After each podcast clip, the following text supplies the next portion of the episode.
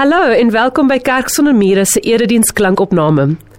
Ons is so bly dat jy vandag inskakel en as hierdie boodskap vir jou waardevol is, sal jy dit nie asseblief met iemand deel nie sodat hulle ook die Jesuslewe kan ontdek. Hier is vandag se boodskap. Liewe Here, ons gee onsself elke keer die heeltyd. Baie kere vat ons onsself terug, maar vanaand wy ons onsself opnuut aan U sonder om terug te hou Wil U ook ons ontvang as lewende geskenke? Wil U ook vanaand Here U self met ons deel? Wil U vir ons nuwe insigte, nuwe kennis gee wat ons lewens diep sal raak?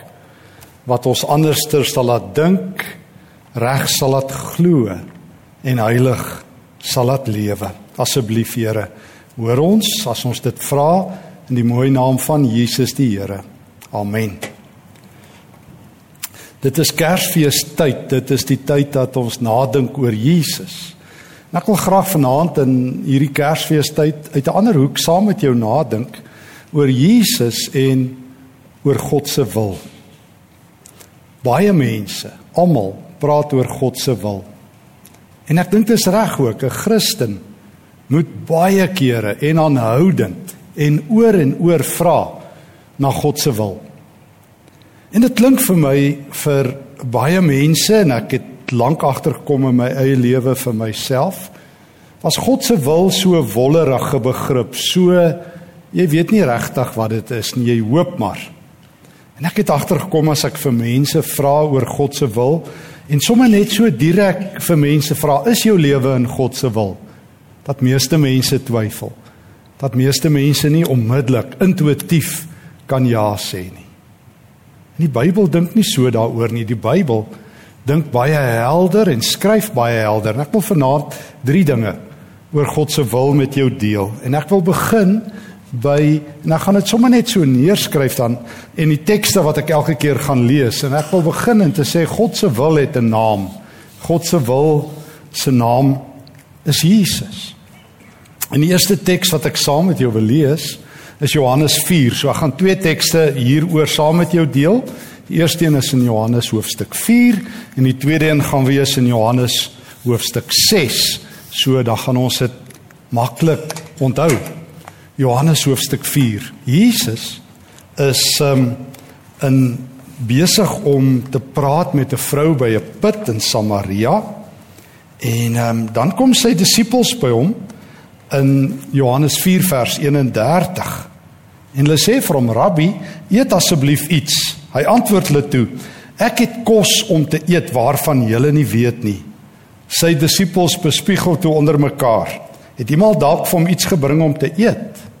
Jesus help hulle toe reg. En hoor nou, die kos wat waarvan ek praat is om te doen die wil te doen van hom wat my gestuur het. Ek moet die wil Ek moet die werk klaar maak wat hy vir my gegee het. Die kos wat ek moet eet is om God se wil te doen. En ehm um, hierdie klink vir my 'n geweldige teks. Dit is vers 34. Kom ons sit sommer die vers by. Vers 34. So Jesus sê God se wil is soos kos. Jy eet dit en jy doen dit. En Jesus self, soos ek en jy praat hier in Kersfeestyd oor God se wil en ons praat oor Jesus, dan sê Jesus, ek het gekom om God se wil te doen. So jy kan nie oor God se wil praat oor wat is God se plan vir jou lewe? Wat is God se plan vir die wêreld? Los van die Here Jesus nie, want Jesus sê ek het net vir een rede gekom. Ek doen God se wil. Dis my kos. Dis my van die mooiste beelde ooit ehm um, dat Jesus sê om God se wil te doen is soos om versadig te wees. Dis soos kos. En nou so rukkie later terwyl hy in Kapernaum is in Johannes 6 en ek het net so die voorreg gehad so verlede Dinsdag om saam met 'n groep mense in Kapernaum te sit. Toe ek vir hulle daar in die sinagoge in Kapernaum waar Jesus die einste woorde uitgespreek het wat ek nou met jou deel met hulle behandel het. Ehm um, ons het sommer daar onder 'n boom gaan sit en alles gelees wat Jesus in Kapernaum doen. Eendag moet julle saam gaan. En ehm um, dan verstaan mense die Bybel sommer anderster. Maar Johannes 6 vers 38 tot 40. Daar's ons tweede groot teks oor God se wil. Kom Jesus en dan sê hy vir sy disippels. Hy sê ek het nie ek het van die hemel af gekom om nie my eie wil te doen nie, maar die wil van hom wat my gestuur het. En dit is die wil van hom wat my gestuur het. Ek sal nie een van die wat hy vir my gegee het verloor nie. Ek sal hulle almal op die laaste dag uit die dood laat opstaan. En nou herhaal Jesus dit. Dit is die wil van my Vader. So jy wil weet wat is God se wil?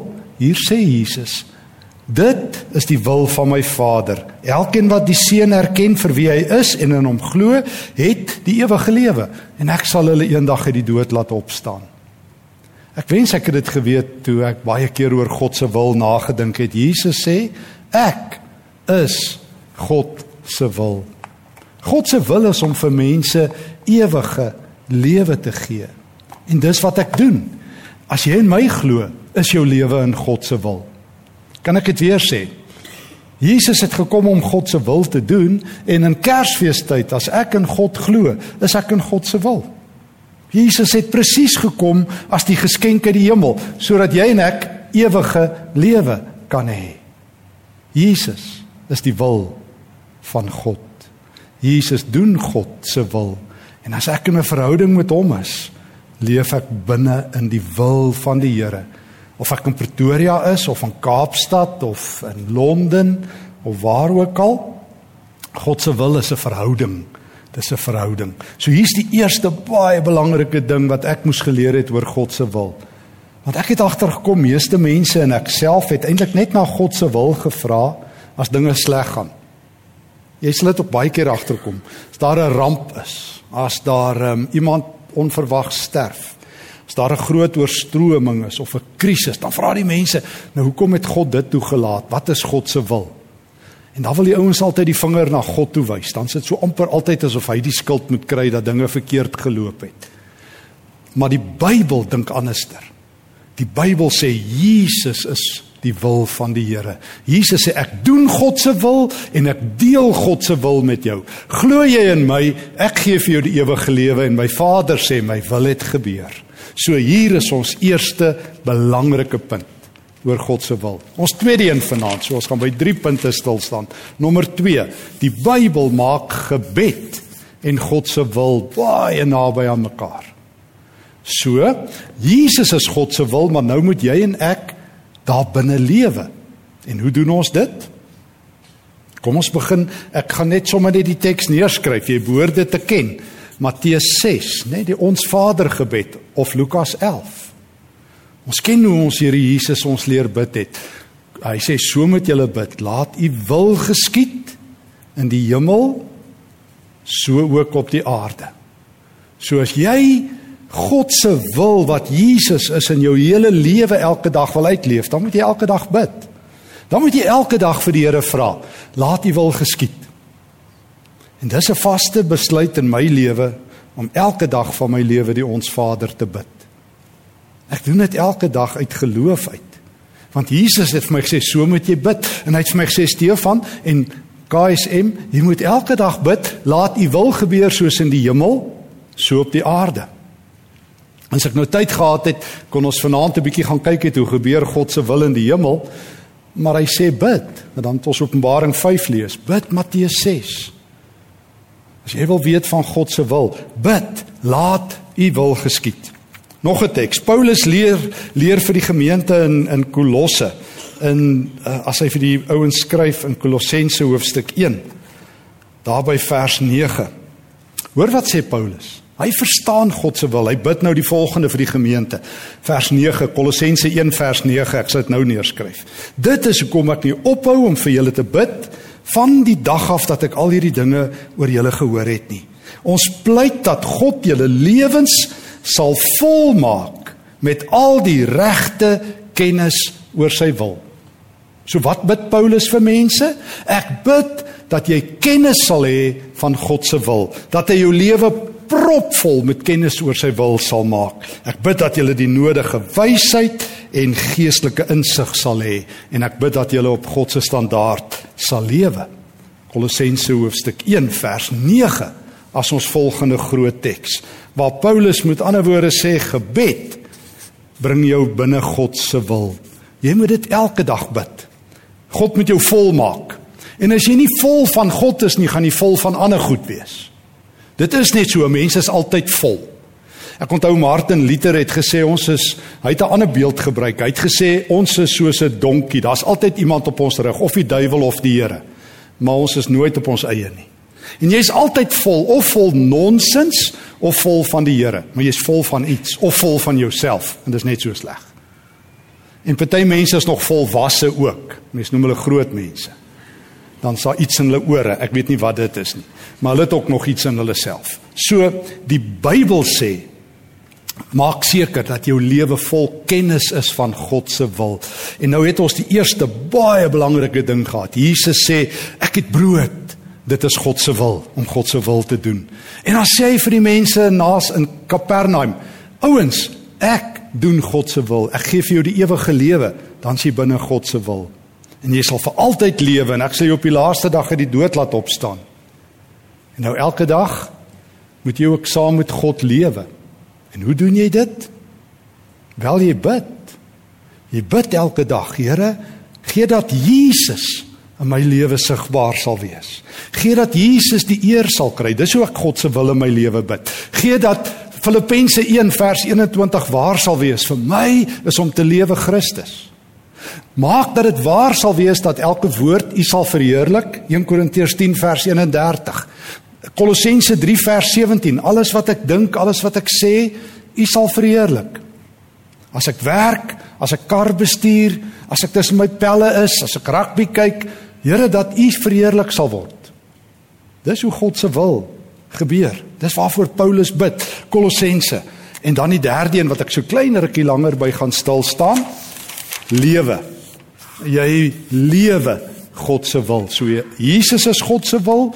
Tweedens, Deur gebed kry jy deel aan God se wil en derdens leef jy 'n lewe van God se wil.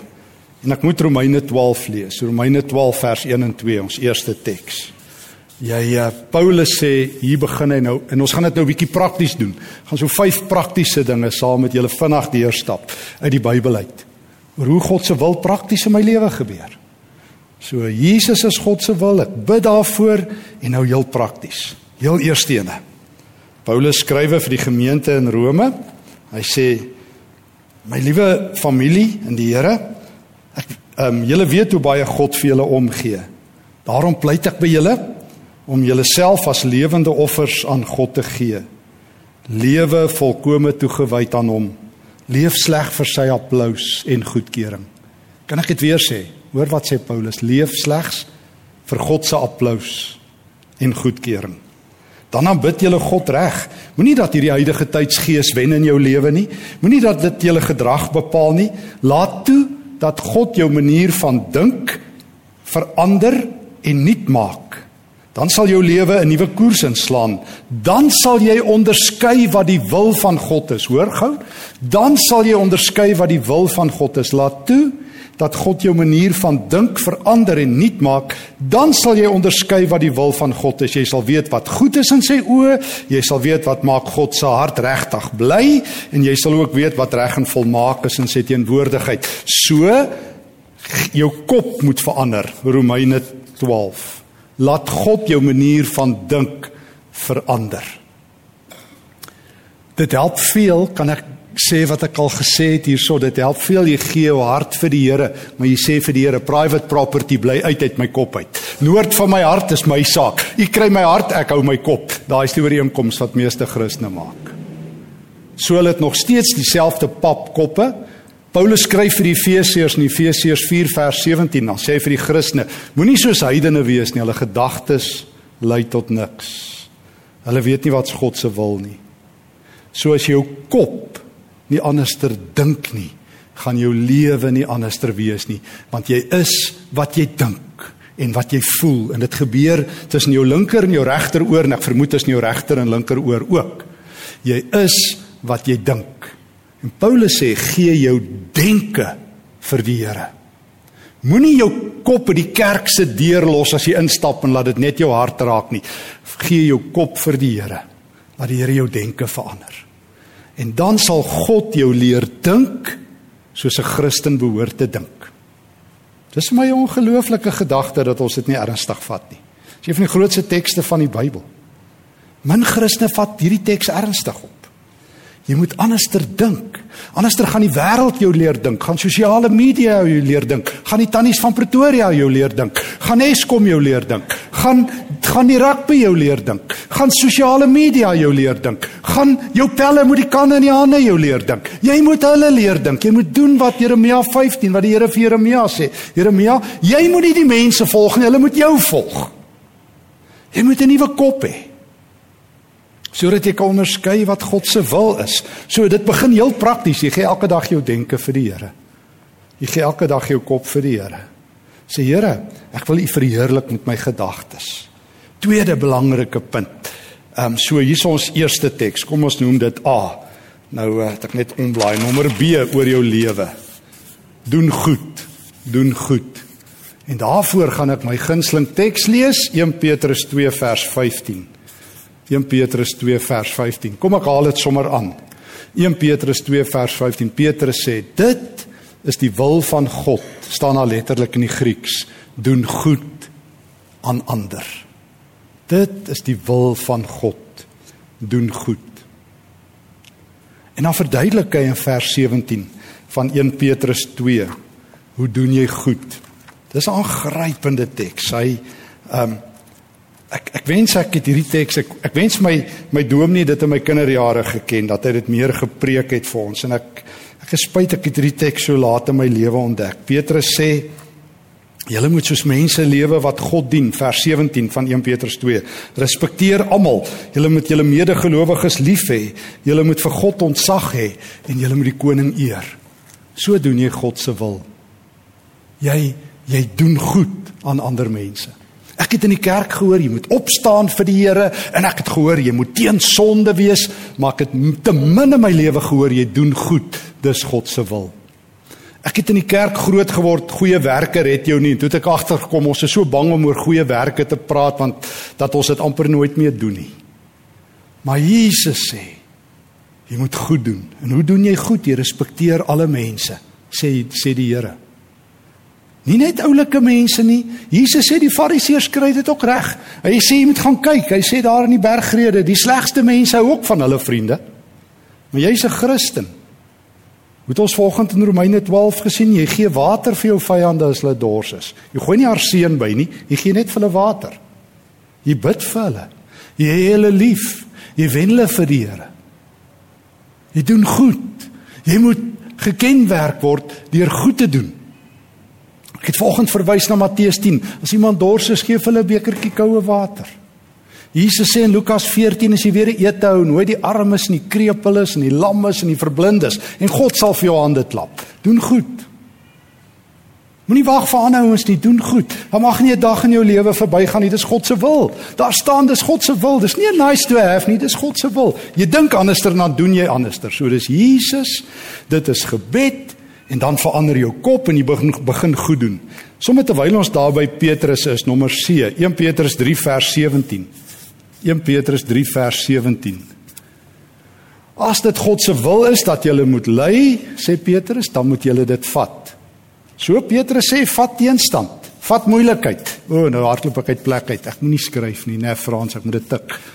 Ehm um, vat moeilikheid. 'n Christen moet Suid-Afrika kan vat. Die ouens wat die beste behoort te cope in Suid-Afrika is Christene. Ek weet nie wat se Afrikaanse woord nie. Ek sal nou dink, maar ek onthou my studente dae, ek het 'n kar gehad wat bietjie studentekarre rag was. Die ons het die pad so gesien as ons ry, onthou jy maar ek het so gery sien ons die pad. Ons gery met so 'n blik water en 'n klomp olie.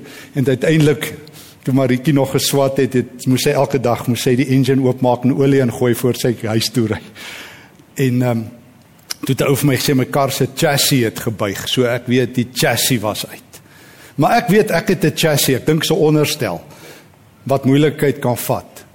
Jou Christene behoort goed te kan koop in Suid-Afrika want Petrus sê, Christen is gebou om moeilikheid te vat. Jou Here het moeilikheid gevat. Die vroeë kerk het moeilikheid gevat. Jy's gebou, jy die Heilige Gees om jou trane af te droog, om jou sterk te maak. Jy behoort Eskom en Pretoria en die regering en die ANC en die potholes en jou familie en nog die kerk uit te staan. Jy behoort dit te maak want die Here sê dis my wil dat jy moeilikheid moet kan vat.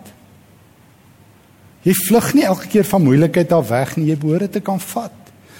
Petrus skryf sy hele eerste Petrusbrief oor God se wil. Hy sê jy doen goed aan mense en jy vat moeilikheid. En dan blaai ek gou na ons laaste twee tekste toe. Kom ons vat nommer ehm um, D.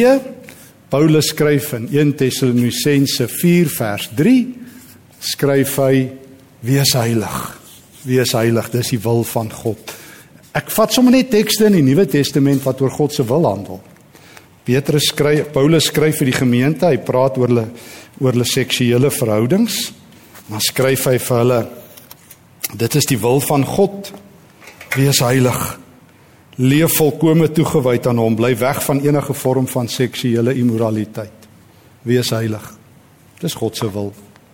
So ek weet God het 'n bordjie langs my lewe gesit under private property. Ek behoort aan die Here kan nie met hierdie lyf maak wat ek wil nie, jy ook nie. Nie as jy 'n Christen is nie. O, as jy as jy nie binne God se wil leef nie, eet jou hart uit, doen met jou lyf wat jy wil, gee oor aan elke sonde. Kyk wat gaan die gevolge wees terloop sê Romeine 1 as God mense hulle vryheid gee.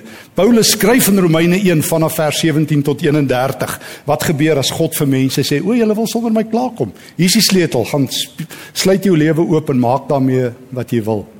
Word mense erger as diere. Jy moet gaan lees hoe Paulus dit beskryf. God mense hulle vryheid gee. Maar wanneer ek my lewe vir God gee, bring hy 'n nuwe orde. Dan sê hy ek gaan jou lewe mooi maak. Ek gaan my gees in jou lewe sit.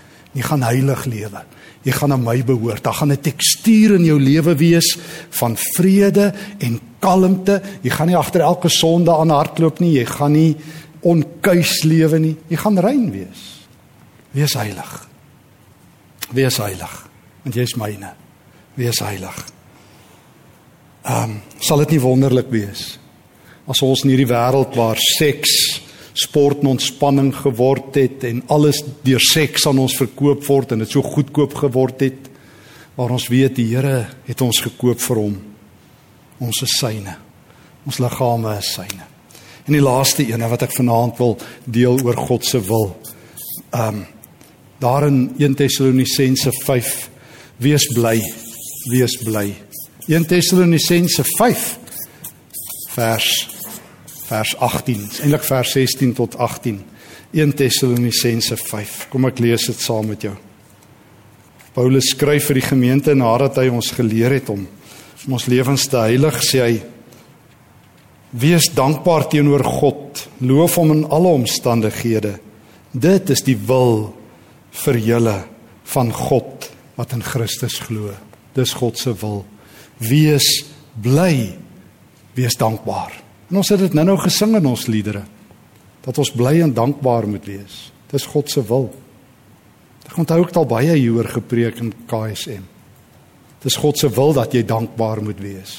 En waaragtig het nog niemand vir my gesê as ek die dag dik klip en lang gesig is, hoekom is jy buite God se wil nie?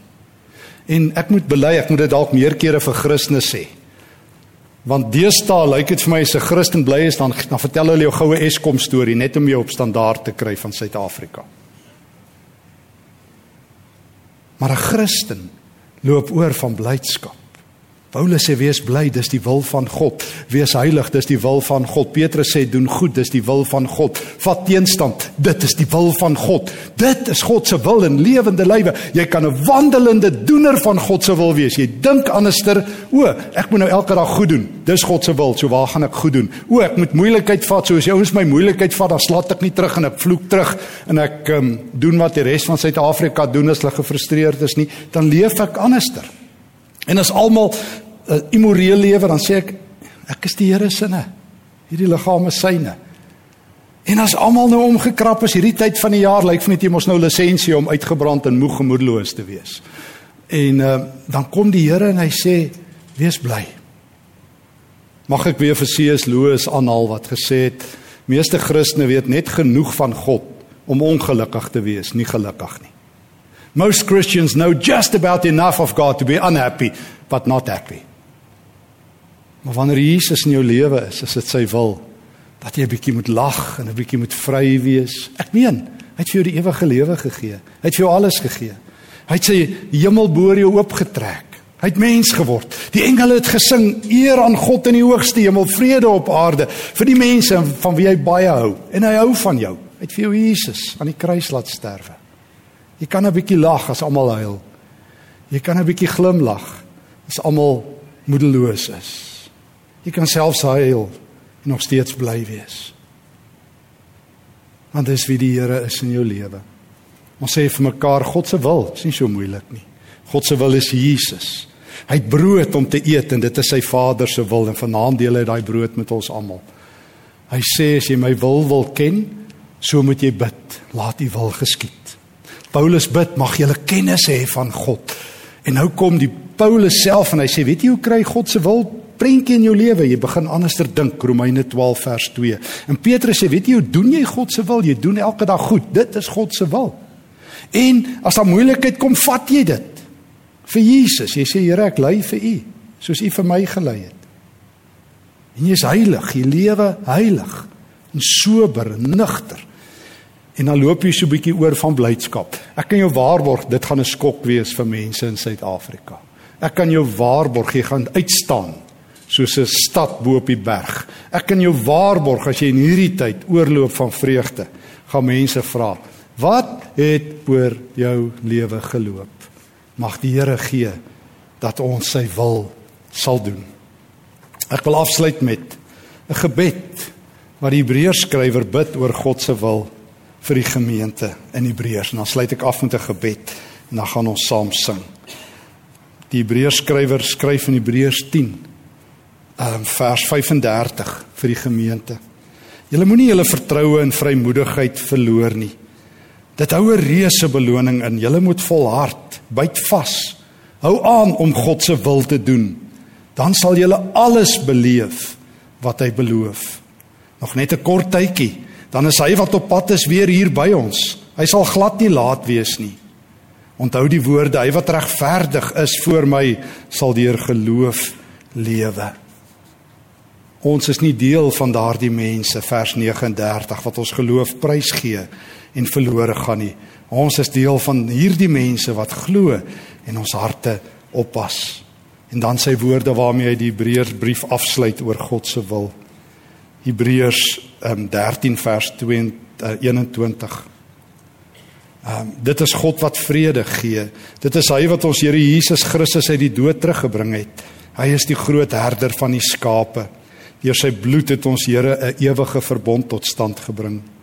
En dan bid hy die volgende: Mag God julle toerus met alle goeie dinge om julle in staat te stel om sy wil te doen. Kan ek dit weer lees? Mag God julle toerus met alle goeie dinge om julle in staat te stel om sy wil te doen. Mag hy daardie dinge in ons doen wat aan hom groot vreugde gee. Mag hy dit doen deur ons Here Jesus Christus.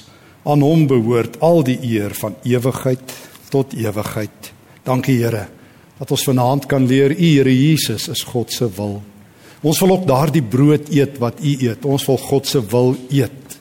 En daarom bid ons Here, laat U wil geskied, soos in die hemel, so op die aarde. Laat U wil ook in my lewe geskied, Here. Geef vir my 'n nuwe denkstelsel dat ek nie sal dink soos die wêreld en sal dink soos mense wat verlore gaan nie, maar sal dink soos 'n Christen. Dat ek sal weet ek kan goed doen. Dat ek sal glo, Here, as ek teenstand en lyding vat, dat ek dit vir U sal dra, dat ek waardig die evangelie sal lewe. En Here waar almal lelik lewe en siek dinge aanvang, dat ek heiligs en rein sal wees. Dat my liggaam 'n tempel vir U sal wees. Kom trek in in hierdie tempel. En Here maak my vol met vreugde dat dit 'n bietjie sal uitlek en oorloop dat ek 'n kind van die Here is. Leer my Here om in U wil te lewe. Dankie Here Jesus dat ek in U wil is. Amen.